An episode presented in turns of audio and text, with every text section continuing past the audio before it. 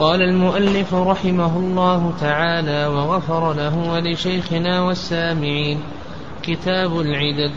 تلزم العدة كل امرأة فارقت زوجا خلا بها مطاوعة مع علمه بها وقدرته على وطئها ولو مع ما يمنعه منها أو من أحدهما حسا أو شرعا.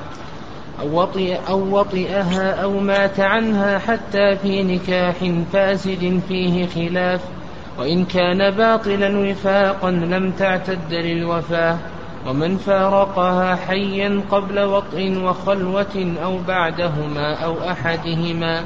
وهو ممن لا يولد لمثله أو تحملت ماء الزوج.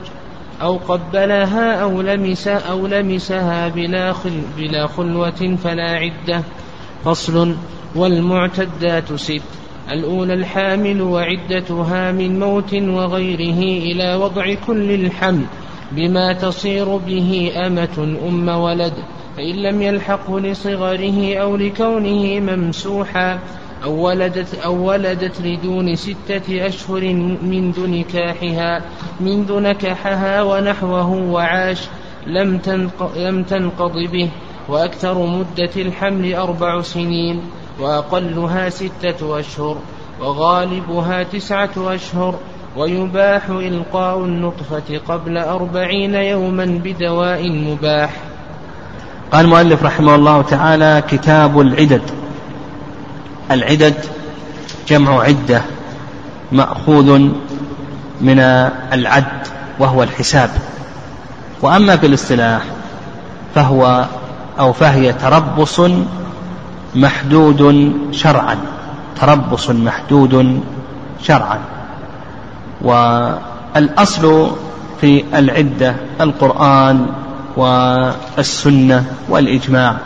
أما القرآن فقول الله عز وجل والمطلقات يتربصن بأنفسهن ثلاثة قروء أي ليتربصن.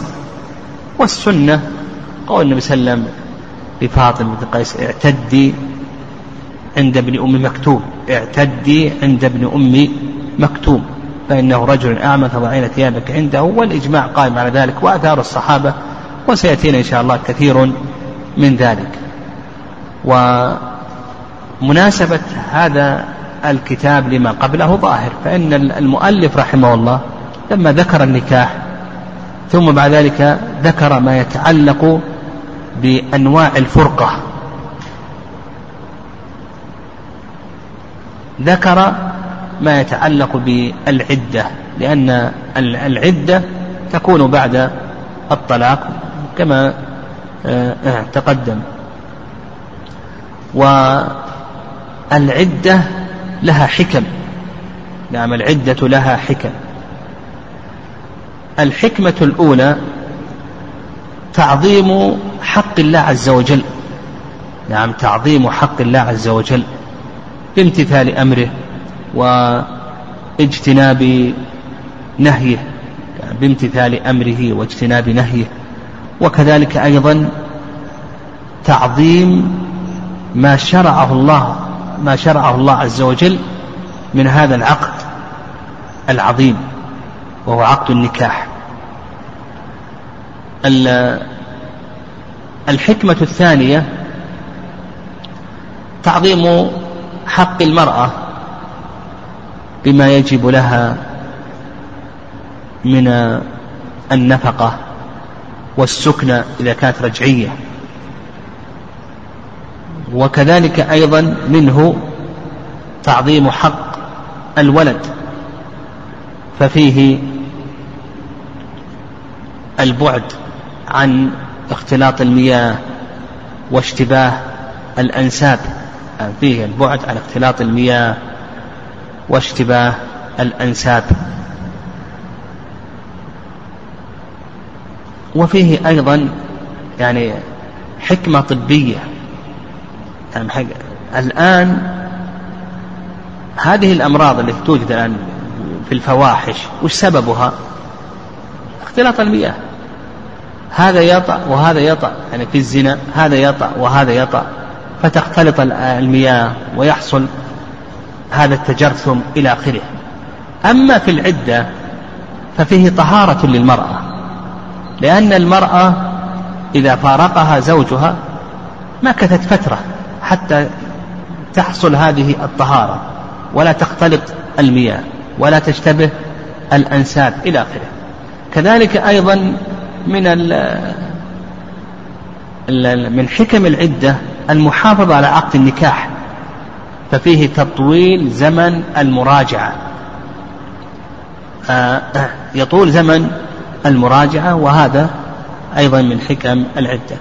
والأصل بالعدة أنها واجبة وحكم العدة أنها واجبة لقول الله عز وجل والمطلقات يتربصن بأنفسهن ثلاثة قروء أي ليتربصن.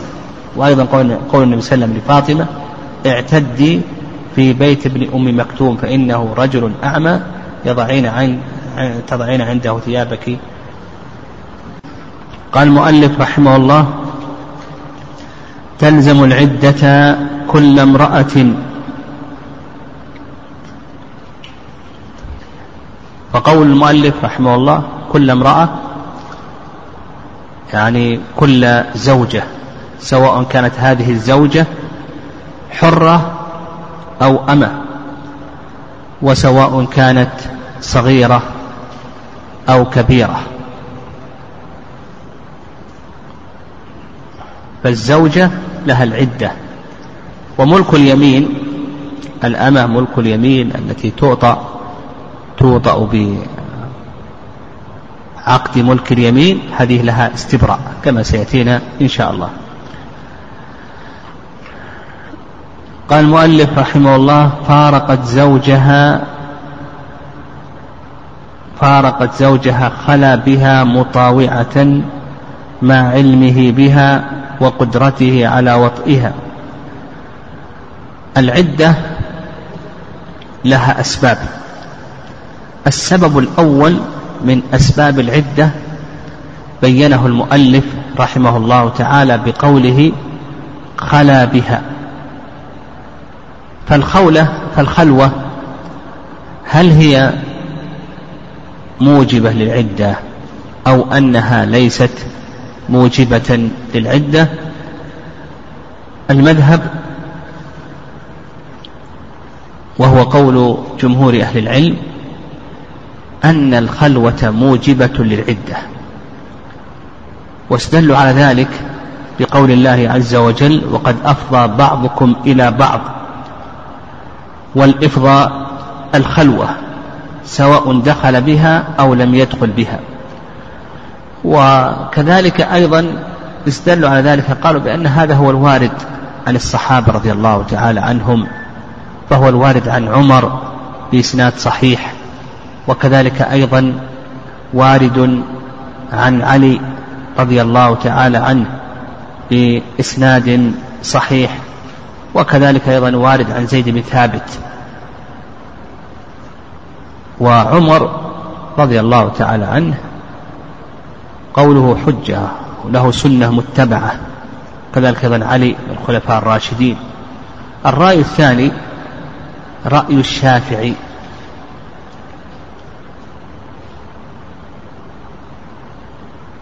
وأن الخلوة لا توجب العدة.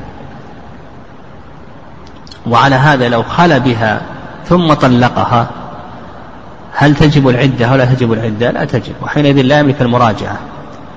واستدلوا بقول الله عز وجل يا أيها الذين آمنوا إذا نكحتم المؤمنات ثم طلقتموهن ثم طلقتموهن من قبل أن تمسوهن فما لكم عليهن من عدة تعتدونها. قال من قبل أن تمسوهن. فما لكم عليهن من عدة تعتدونها. فالآية دلت على أن العدة إنما تجب بالمسيس. وأما مجرد الخلوة فإن العدة لا تجب فيها. والأحوط وهذا القول قول قوي يعني ما ذهب إليه الشافعية رحمهم الله. هذا قول قوي. لكن الأحوط والله أعلم. وما ذهب إليه جمهور أهل العلم رحمهم الله. وأيضا إذا أثبتنا العدة بالخلوة طولنا أيضا زمن المراجعة. وما هي الخلوة؟ يعني ما هي الخلوة؟ في تفسير الخلوة للعلماء مسلكان. يعني تفسير الخلوة للعلماء فيها مسلكان. المسلك الأول هو مسلك الحنابلة. قالوا أن ينفرد بها عن مميز. يعني إذا انفرد الزوج بزوجته ولم يحضرهما مميز فما فوق فهذه هي الخلوة التي تجب فيها العدة. والمسلك الثاني وهو رأي الحنفية والمالكية أن المراد بالخلوة أن يخلو بها خلوة يتمكن من وطئها. إذا خلا بها خلوة يتمكن من وطئها. هذا قول الحنفية والمالكية في الجملة فحينئذ تجب العدة. وهذا يعني يظهر والله أعلم. الذي يظهر والله أعلم أنه إذا خل بها هو الإمام أحمد رحمه الله كما تقدم لنا قال كلمة. ماذا قال؟ قال ها؟ إذا استحل منها. نعم قال إذا استحل منها ما لا يحل لغيره. يعني إذا استحل منها ما لا يحل لغيره تقرر الصداق. فيظهر والله أعلم أن الخلوة التي تجب فيها العدة إذا است... إذا خلى بها خلوة هي في الأصل محرمة لو كانت أجنبية. فيظهر هنا أن العدة واجبة. قال المؤلف رحمه الله تلزم العدة كل امرأة فارقت زوجها. وقول المؤلف رحمه الله فارقت زوجها يشمل أنواع الفرقة الخلع والفسخ والطلاق وهذا سيأتينا الكلام عليه. أما العدة فتجب بالطلاق لكن هل تجب العدة بالفسخ وهل تجب العدة بالخلع؟ أو أن هذا استبراء؟ هذا سيأتينا إن شاء الله الكلام عليه. قال مطاوعة. فاشترط المؤلف رحمه الله أن تكون مطاوعة. يعني حينما يخلو الزوج بزوجته اشترط أن تكون مطاوعة غير مكرهة. قال مع علمه بها وقدرته على وطئها. اشترط أن تكون مطاوعة وأن يكون عالما بها هذا الشرط الثاني وأن يكون قادرا على وطئها ولو مع ما يمنعه ولو ما مع ما يمنعه يعني ما يمنعه من الوطء منهما أو من أحدهما حسا أو شرعا حسا كما لو كانت المرأة رتقا أو كان مجبوبا أو شرعا ها؟ كما لو كانت حائضا صح. أو كانت صائمة أو كان صائما صيام فرض. فهنا هو قادر على الوضع لكن هنا مانع يمنع من الوضع. فيقول لك المؤلف رحمه الله تعالى تجب العدة. فأصبحت الخلوة اشترط لها ماذا؟ ها؟ أن تكون عالمة أن تكون مطاوعة وأن يكون عالما بها. وعلى هذا لو كان جاهلا هي موجودة في هذا المكان لكنه كان جاهلا بها. يقول لك المؤلف ما تجب العدة. كذلك أيضا الشرط الثالث أن يكون قادر على الوضع حتى لو كان هناك مانع يمنع من الوضع سواء كان المانع حسا أو شرعا. تجب العدة فهذه ثلاث شروط للخلوة. قال أو وطئها. هذا السبب الثاني من أسباب العدة الوطئ وهذا بالإجماع. وقد دل له القرآن. فإن الله سبحانه وتعالى قال يا أيها الذين آمنوا إذا نكحتم المؤمنات ثم طلقتموهن من قبل أن تمسوهن فما لكم عليهن من عدة تعتدونها. قال أو مات عنها أو مات عنها. هذا السبب الثالث من أسباب العدة الموت. فإذا مات الزوج عن زوجته وجبت العدة نعم وجبت العدة وهذا بالإجماع. وقد دل له قول الله عز وجل والذين يتوفون منكم ويذرون أزواجا يتربصن بأنفسهن أربعة أشهر وعشر فأصبحت أسباب العدة ثلاثة الأول الخلوة والثاني الوط والثالث الموت إذا مات. قال المؤلف رحمه الله حتى في نكاح فاسد فيه خلاف. النكاح الفاسد ما اقتل شرط من شروط صحته ما اختلف العلماء رحمهم الله. في صحته وفساده مثل النكاح بلا ولي. النكاح بلا ولي هذا نكاح فاسد عند جمهور أهل العلم رحمهم الله تعالى. فالنكاح الفاسد هل تجب فيه العدة أو لا تجب فيه العدة؟ المؤلف رحمه الله تعالى يرى أن العدة واجبة في النكاح الفاسد. وهذا هو المذهب. نعم وهذا هو المذهب. والرأي الثاني أن العدة لا تجب في النكاح الفاسد إلا إذا حصل وطء.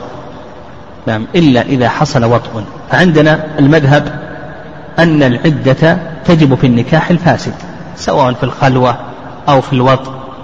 إلى آخره أو الموت. والرأي الثاني أن العدة لا تجب في النكاح الفاسد إلا إذا كان هناك إلا إذا كان هناك وطء لأننا نحتاج إلى الاستبراء. والصحيح في ذلك نعم كما سيأتينا أن النكاح الفاسد ليس فيه عدة. وإن فيه ماذا؟ استبراء كما سيأتينا. لأن لأن العدة لكي تطول زمن لكي يطول زمن المراجعة. وهنا لا حاجة. لا حاجة نطول زمن المراجعة لأن النكاح الفاسد ليس فيه مراجعة. لا رجعة فيه. يقع الطلاق فيه بائنا كما تقدم لنا. لا رجعة فيه. فالصواب أن النكاح الفاسد نقول أصلا ليس فيه عدة وإنما الصواب أن فيه ماذا؟ استبراء. حيضة واحدة أو شهر كما سيأتينا إن شاء الله في باب الاستبراء. قال وإن كان باطلا وفاقا لم تعتد للوفاة. أيضا إذا كان باطلا يقول لك المؤلف رحمه الله تعالى لا تعتد للوفاة. والنكاح الباطل هو ما أجمع العلماء رحمهم الله تعالى على بطلانه. ما أجمع العلماء رحمهم الله تعالى على بطلانه. فالنكاح الباطل إذا توفي الزوج مثل النكاح في العدة. إذا توفي الزوج في النكاح الباطل هل تعتد للوفاة؟ قال لك المؤلف لا تعتد للوفاة. وظاهر كلام المؤلف رحمه الله أنها تعتد لأي شيء؟ لو خل بها. وكذلك أيضا تعتد إذا وطئها فهو قال لك ليس فيه عدة الوفاة وظاهر كلامه أنها تعتد إذا خلا بها أو تعتد أيضا إذا وطئها والصحيح في ذلك كما تقدم ها أن النكاح الباطل ليس فيه أصلا عدة. يقول الصواب أن النكاح الباطل الصواب أنه ليس فيه أصلا عدة وإنما فيه استبراء كما سيأتينا إن شاء الله. قال ومن فارقها حيا قبل وطئ وخلوة أو بعدهما أو أحدهما وهو ممن لا يولد لمثله أو تحملت ماء الزوج أو قبلها أو لمسها بلا خلوة فلا عدة. من فارقها حيا قبل وطئ أو وخلوة. إذا فارقها قبل وطئ أو خلوة حيا. قول المؤلف رحمه الله حيا يخرج ما إذا مات عنها. إذا مات عنها تجب العدة مطلقا. حتى وإن لم يخلو حتى وإن لم يطأ. لو أنه عقد على هذه المرأة وبعد العقد مات مباشرة وجبت العدة لأنهم يرون أن الحكمة في عدة الوفاة تعبدية تجب؟ ولهذا تجب العدة حتى على الصغيرة.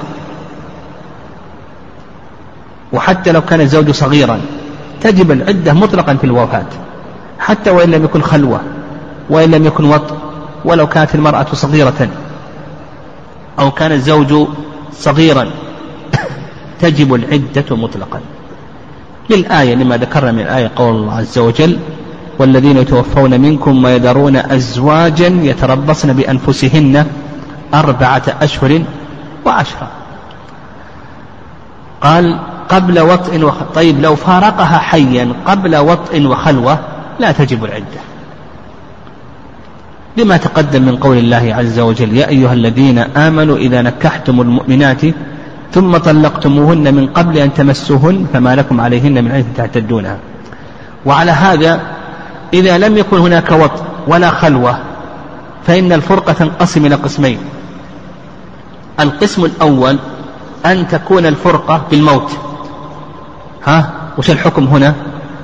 تجب العدة. القسم الثاني أن تكون الفرقة بغير الموت كالطلاق ونحو ذلك فنقول تجب العدة. قال المؤلف أو بعدهما أو أحد أو أحدهما وهو ممن لا يولد لمثله. ها؟ كيف؟ أي نعم قلنا إن كان إن كانت الفرقة بالموت وجبت العدة. وإن كانت الفرقة بغير الموت لا تجب العدة. طيب. قال أو بعدهما أو أحدهما وهو ممن لا يولد لمثله. يعني لو أنه وطئها وطئ المرأة أو خل بها لكنه لا يولد لمثله. من هو الذي يولد لمثله؟ من له عشر سنوات فمهوق أو كانت المرأة لا يوطأ مثلها. كأن يكون لها أقل من تسع سنوات. يقول لك لا عدة. لا عدة. وعلى هذا نشترط لوجوب العدة ماذا؟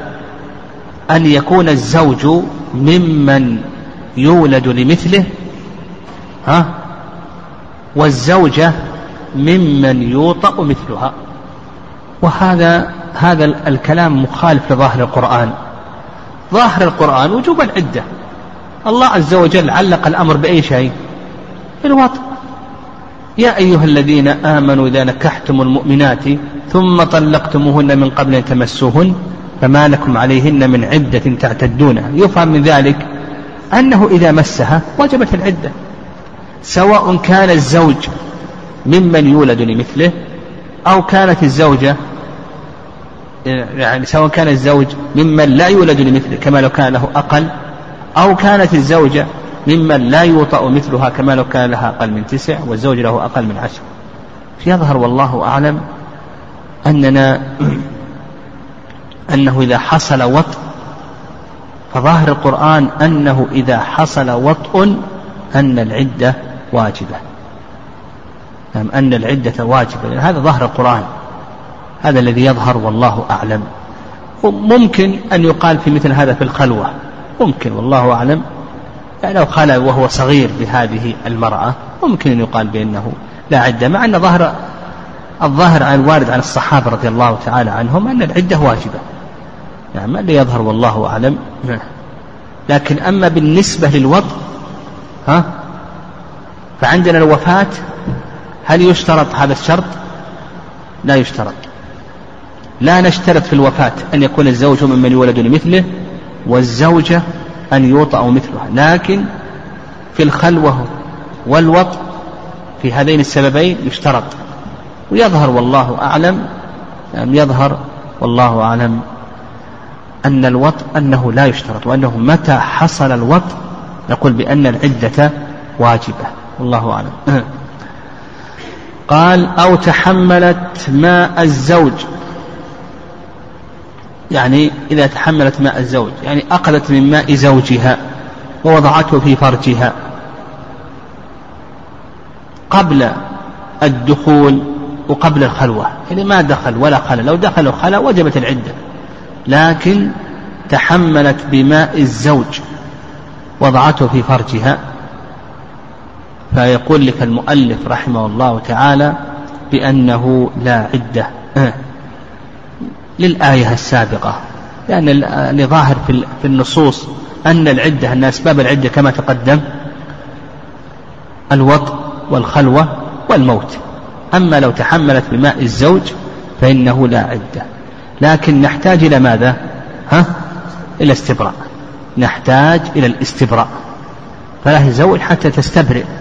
من هذا الماء إما بحيضة بالحمل إن كان حملت كان حملت بوضع الحمل وإن كان ما حملت بأن تحيض حيضة إلى آخره.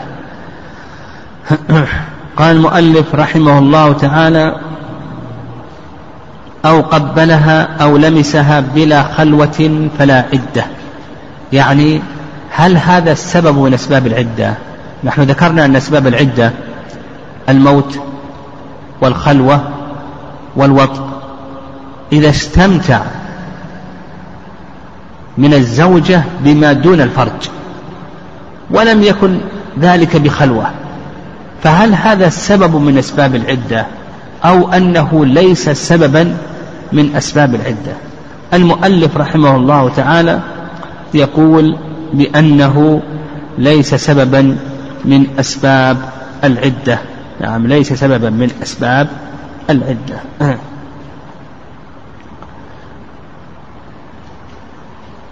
نعم. لأن الوارد في الآية وآثار الصحابة إما الوط وإما الموت وإما الخلوة. قال المؤلف رحمه الله فصل والمعتدات ست الحامل وعدتها من موت وغيره إلى وضع كل الحمل. شرع المؤلف رحمه الله في بيان المعتدات وأصنافها وقدر عدة كل واحدة منهن. الأولى الحامل ويسميها العلماء رحمهم الله بأم المعتدات لأن الحامل تقضي على كل عدة حتى عدة الوفاة. عدة الوفاة مع أنها تعبدية العلماء يقولون بأنها تعبدية.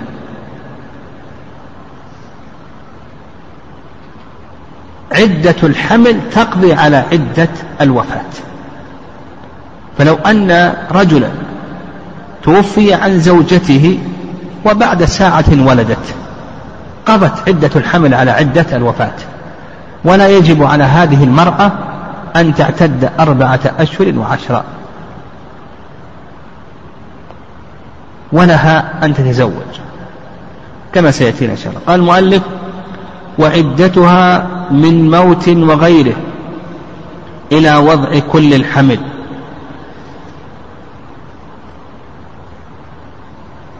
الحامل نعم الحامل إما أن تفارق في حال الموت إما أن تفارق بالوفاة أو أن تفارق في حال حياة في حال حياة بالطلاق أو بغير ذلك من أسباب الفرقة كما سيأتينا في حال وفاة بالموت. فإذا مات عنها ما هي عدة الحامل؟ المشهور من المذهب أن عدة الحامل هي وضع كل الحمل. كل الحمل كل الحمل الموجود في البطن. قد يكون فيه قد يكون في البطن حمل أو حملان لا بد أن تضع جميع الحمل. هذا المشهور من المذهب وهو رأي رأي جمهور أهل العلم. واستدلوا على ذلك بقول الله عز وجل وأولاة الأحمال أجلهن أن يضعن حملهن. وهذا يشمل المفارقة في حال حياة والمفارقة في حال الوفاة. ويدل لذلك أيضا حديث سبيعة الأسلمية رضي الله تعالى عنها فإن سبيعة توفي عنها زوجها وهي حامل فلم تنشب أن وضعت فأمرها النبي صلى الله عليه وسلم أن تتزوج. يعني توفي عنها زوجها وهي حامل فلم تنشب أن وضعت. يعني وضعت بعد زوجها بليال. يعني وضعت بعد زوجها بليال. فأمرها النبي صلى الله عليه وسلم أن تتزوج. نعم. وهذا في الصحيحين. نعم هذا في الصحيحين. الرأي الثاني أن الحامل المتوفى عنها زوجها تعتد بأطول الأجلين تعتد بأطول الأجلين وعلى هذا إذا كانت في بداية الحمل تأخذ عدة ماذا؟ الحامل وإن كانت في نهاية الحمل ولنفرض أنها في الشهر التاسع في نهاية الحمل تعتد عدة ماذا؟ الوفاة أربعة تعتد عدة الوفاة تعتد أربعة أشهر وعشرا. يعني وهذا ذهب إليه بعض الصحابة رضي الله تعالى عنهما كابن عباس وعلي وأبي السنابل. نعم أبي السنابل نعم ابن عباس رضي الله تعالى عنهما نعم رجع. نعم ابن عباس رضي الله تعالى عنهما رجع عن قوله. والصواب في هذه المسألة ما عليه جمهور أهل العلم رحمهم الله تعالى وأن عدتها أن تضع جميع الحمل. يعني عدتها أن تضع جميع الحمل. هذا الصواب في هذه المسألة. و ورد عن ابن مسعود أنه قال من شاء باهلته. أن آية أن الآية التي في سورة النساء الصغرى وولاة الأحمال نزلت بعد الآية التي في سورة البقرة والذين يتوفون منكم ويذرون أزواجا إلى آخره. قال المؤلف رحمه الله تعالى إلى وضع كل الحمل. يعني لا بد أن تضع جميع الحمل فقد يكون في بطنها حمل أو حملان فلا تنتهي عدتها حتى تضع جميع ما في بطنها. قال بما تصير به أمة أم ولد بما تصير به أمة. ما هو الحمل الذي تصير به الأمة أم ولد؟ بحيث لو أن السيد وطئ أمته وحملت ثم بعد ذلك ولدت. ها؟ متى نحكم بأنها يعني نزلت هذا الحمل؟ متى نحكم بأنها أم ولد؟ ها؟ أيوة. إذا وضعت مضغة تبين فيها خلق إنسان. وعلى هذا إذا ألقت نطفة هل تنتهي عدتها؟ أو نقول بأن عدتها لا تنتهي؟ لا تنتهي. إذا ألقت نطفة لا تنتهي عدتها بوضع الحمل لا بد من أربعة أشهر وعشرة. إذا ألقت علقة لا تنتهي عدتها. إذا ألقت مضغة قطعة لحم لكنها ليست مخلقة نقول بأن عدتها لا تنتهي. إذا ألقت مضغة تبين فيها خلق إنسان ولو كان خفيا يعني لو كان تخطيطا خفيا نقول بأنها تنتهي عدتها. حتى ولو كان تخطيطا خفيا نقول بأنه تنتهي عدتها.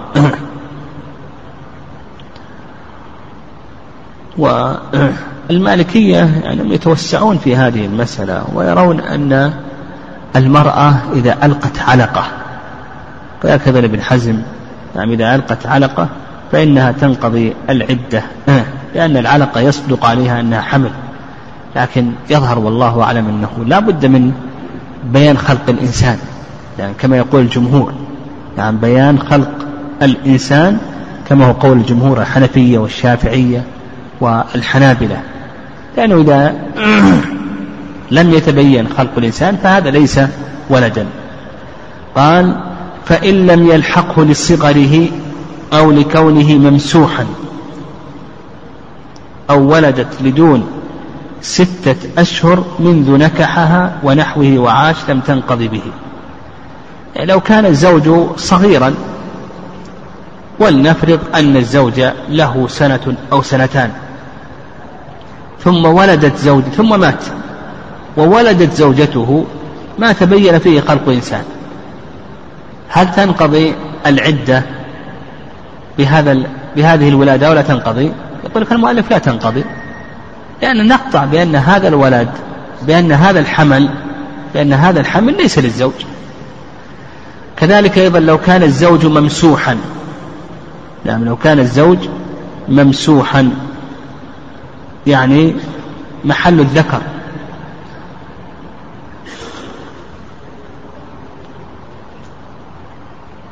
نعم آه، ممسوح محل الذكر. ليس له آلة. فيقول لك المؤلف رحمه الله تعالى لا تنقضي العدة بذلك. كذلك أيضا قال أو ولدت لدون ستة أشهر منذ نكحها لا تنقضي. إذا ولدت لأقل من ستة أشهر منذ نكحها ولنفرض أنه تزوجها في محرم وفي ربيع ولدت. هنا نقطع بأن الحمل كان موجودا قبل العقد. نقطع بأن الحمل كان موجودا قبل العقد. فنقول بأن العدة لا تنقضي بذلك. قال وأكثر مدة الحمل أربع سنين وأقلها ستة أشهر. نعم. أما أقل مدة الحمل فهي ستة أشهر. نعم. نعم أقلها ستة أشهر. هذا دل له القرآن فإن الله سبحانه وتعالى قال وحمله وفصاله ثلاثون شهرا وقال أيضا والوالدات يرضعن أولادهن حولين كاملين حمله وفصاله الحمل والرضاع ثلاثون شهرا. أخرج منها مدة الحمل مدة الرضاعة. ها؟ نعم. يبقى ستة أشهر للحمل. والوالدات يرضعن أولادهن حولين كاملين لمن أراد أن يتم الرضاعة. فتكون مدة الحمل كم؟ ستة أشهر. وهذا بالاتفاق. بقينا في أقل في أكثر الحمل فالمشهور من المذهب وكذلك أيضا مذهب الشافعية والمالكي يعني رأي أكثر أهل العلم أن أكثر مدة الحمل أربع سنوات ودليلهم على ذلك هو الرجوع إلى ماذا؟ إلى الوجود كما ذكر تقدم لنا في كلام الشيخ عبد الرحمن السعدي رحمه الله. الدليل ذلك أنه وجد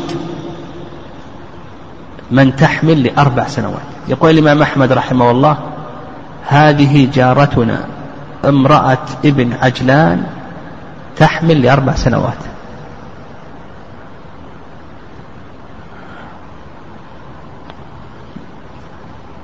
الرأي الثاني فقالوا بأن هذا هو الموجود. الرأي الثاني رأي المالكية. نعم رأي المالكية. رأي الحنفية. نعم الرأي الثاني رأي الحنفية. وأن مدة الحمل سنتان. واستدلوا بأن هذا وارد عن عائشة رضي الله تعالى عنها أنها قالت ما تزيد المرأة في الحمل على سنتين. يعني ما تزيد المرأة في الحمل على سنتين. وهذا الأثر ضعيف. أخرجه البيهقي وسعيد المنصور وهو ضعيف لا يثبت. الرأي الثالث نعم وهو رواية عن الإمام أحمد عن الإمام مالك اختار ابن القيم أنه لا حد لأكثر مدة الحمل.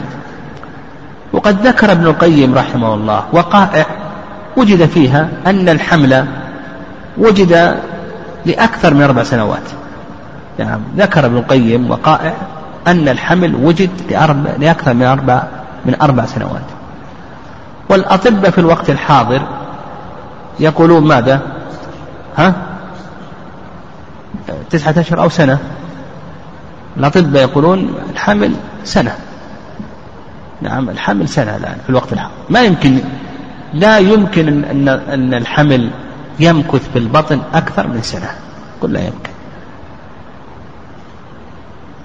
وما دام أن المسألة ليس فيها نص من الشارع نعم فيظهر والله أعلم أن الرجوع الآن إلى قول الأطباء هو الأظهر والله أعلم في هذه الحالة لكن قد توجد مسائل شاذة أو نادرة هذا الله أعلم بها قد توجد. كما ضرب ابن القيم رحمه الله بعض الأمثلة لكن هذا قد يوجد والله أعلم. الواقع قد يوجد من آه نعم آه من تحمل لأكثر من سنة إلى آخره لكن الصواب في هذه المسألة الرجوع إلى قول الأطباء في هذه المسألة. قال المؤلف رحمه الله وغالبها تسعة أشهر. هذا واضح. غالب مدة الحمل تسعة أشهر والواقع شاهد بذلك. قال ويباح إلقاء النطفة قبل أربعين يوما بدواء مباح. يقول المؤلف رحمه الله يباح إلقاء النطفة. نعم. النطفة هل يجوز إلقاؤها أو لا يجوز إلقاؤها؟ يعني الإجهاض الآن ما يسمى بالإجهاض. إذا كان في مرحلة النطفة عندنا إجهاض في مرحلة النطفة. الإجهاض ينقسم إلى أقسام. القسم الأول الإجهاض في مرحلة النطفة. في مدة الأربعين يوما الأولى. هل يجوز الإجهاض أو لا يجوز الإجهاض في مرحلة النطفة؟ هل هذا جائز أو نقول بأنه ليس جائزا؟ المؤلف رحمه الله تعالى يرى أن هذا جائز وهذا أيضا مذهب الحنفية والشافعية يرون أن هذا جائز واستدلوا على ذلك بقول الله عز وجل يا أيها الناس إن كنتم في ريب من البعث فإنا خلقناكم من تراب ثم من نطفة ثم من علقة ثم من مضغة مخلقة وغير مخلقة. قال يا أيها الناس قال تعالى يا أيها الناس إنا خلقناكم من تراب ثم من نطفة ثم من علقة ثم من مضغة مخلقة وغير مخلقة.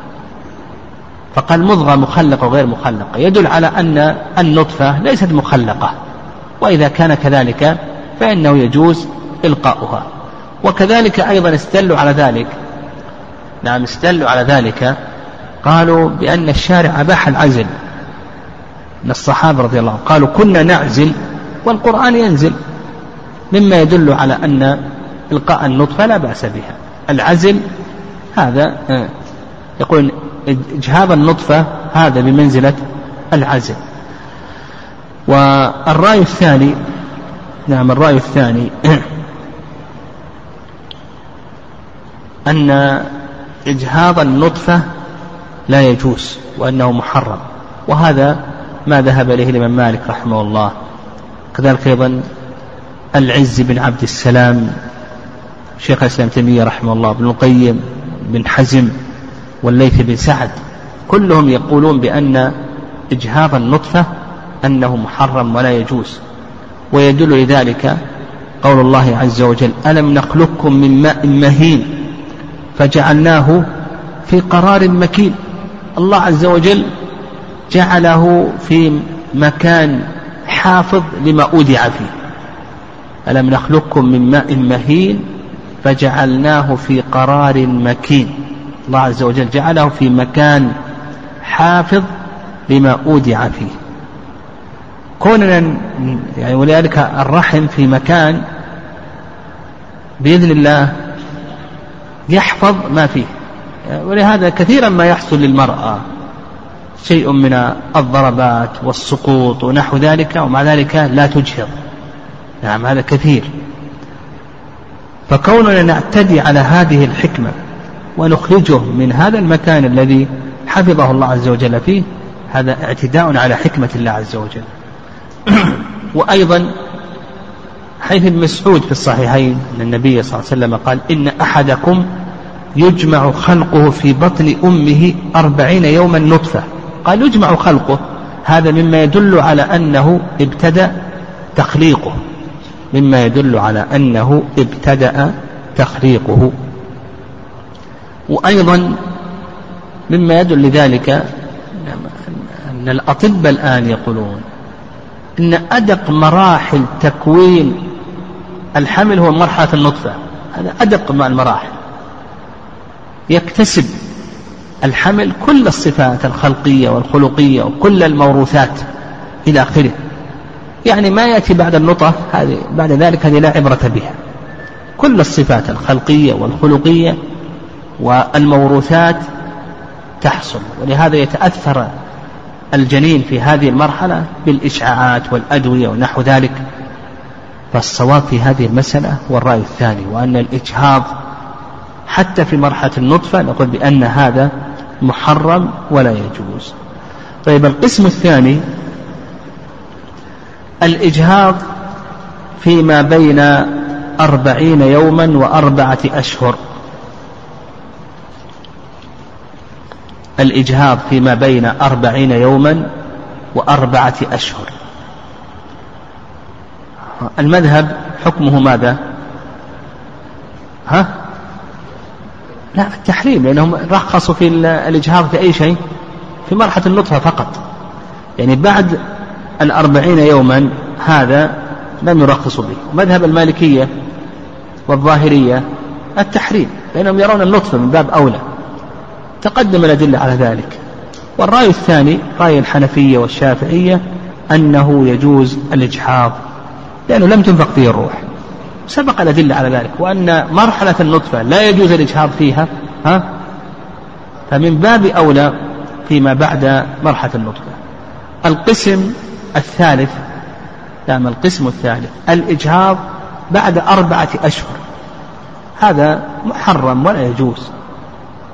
باتفاق الأئمة. إذا كان بعد أربعة أشهر لماذا؟ لأن الروح قد خلقت فيه. أو نعم. نفخ فيه الروح. كما تقدم لنا حيث ابن مسعود رضي الله تعالى عنه. قال المؤلف رحمه الله ويباح إلقاء نطفة قبل أربعين يوما بدواء مباح. نعم. قال فصل. الثانية المتوفى عنها زوجها بلا حمل قبل الدخول.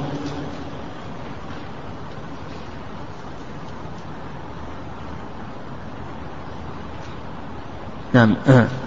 كما تقدم لنا أن الحامل إما أن تكون في الوفاة في حال وفاة وإما أن تكون في حال حياة. أما في حال الوفاة ها؟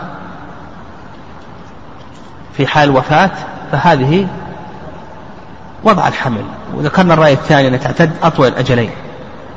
وأما في حال الحياة فإنها فإن عدتها تكون بوضع الحمل بوضع جميع الحمل. نعم. لقول الله عز وجل وأولاة الأحمال أجلهن أن يضعن حملهن.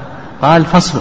الثانية المتوفى عنها زوجها بلا حمل قبل الدخول أو بعده للحرة أربعة أشهر وعشر وعشرة أيام وللأمة نصفها. المتوفى عنها. توفي عنها زوجها وليست حاملا. فهذه الحرة الزوجة الحرة تعتد أربعة أشهر وعشرة بالاتفاق.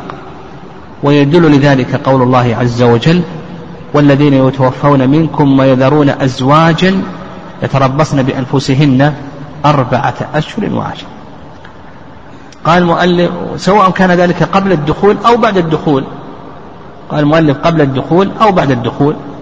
ويدل لذلك حديث ابن مسعود في قصة بروع بنت واشق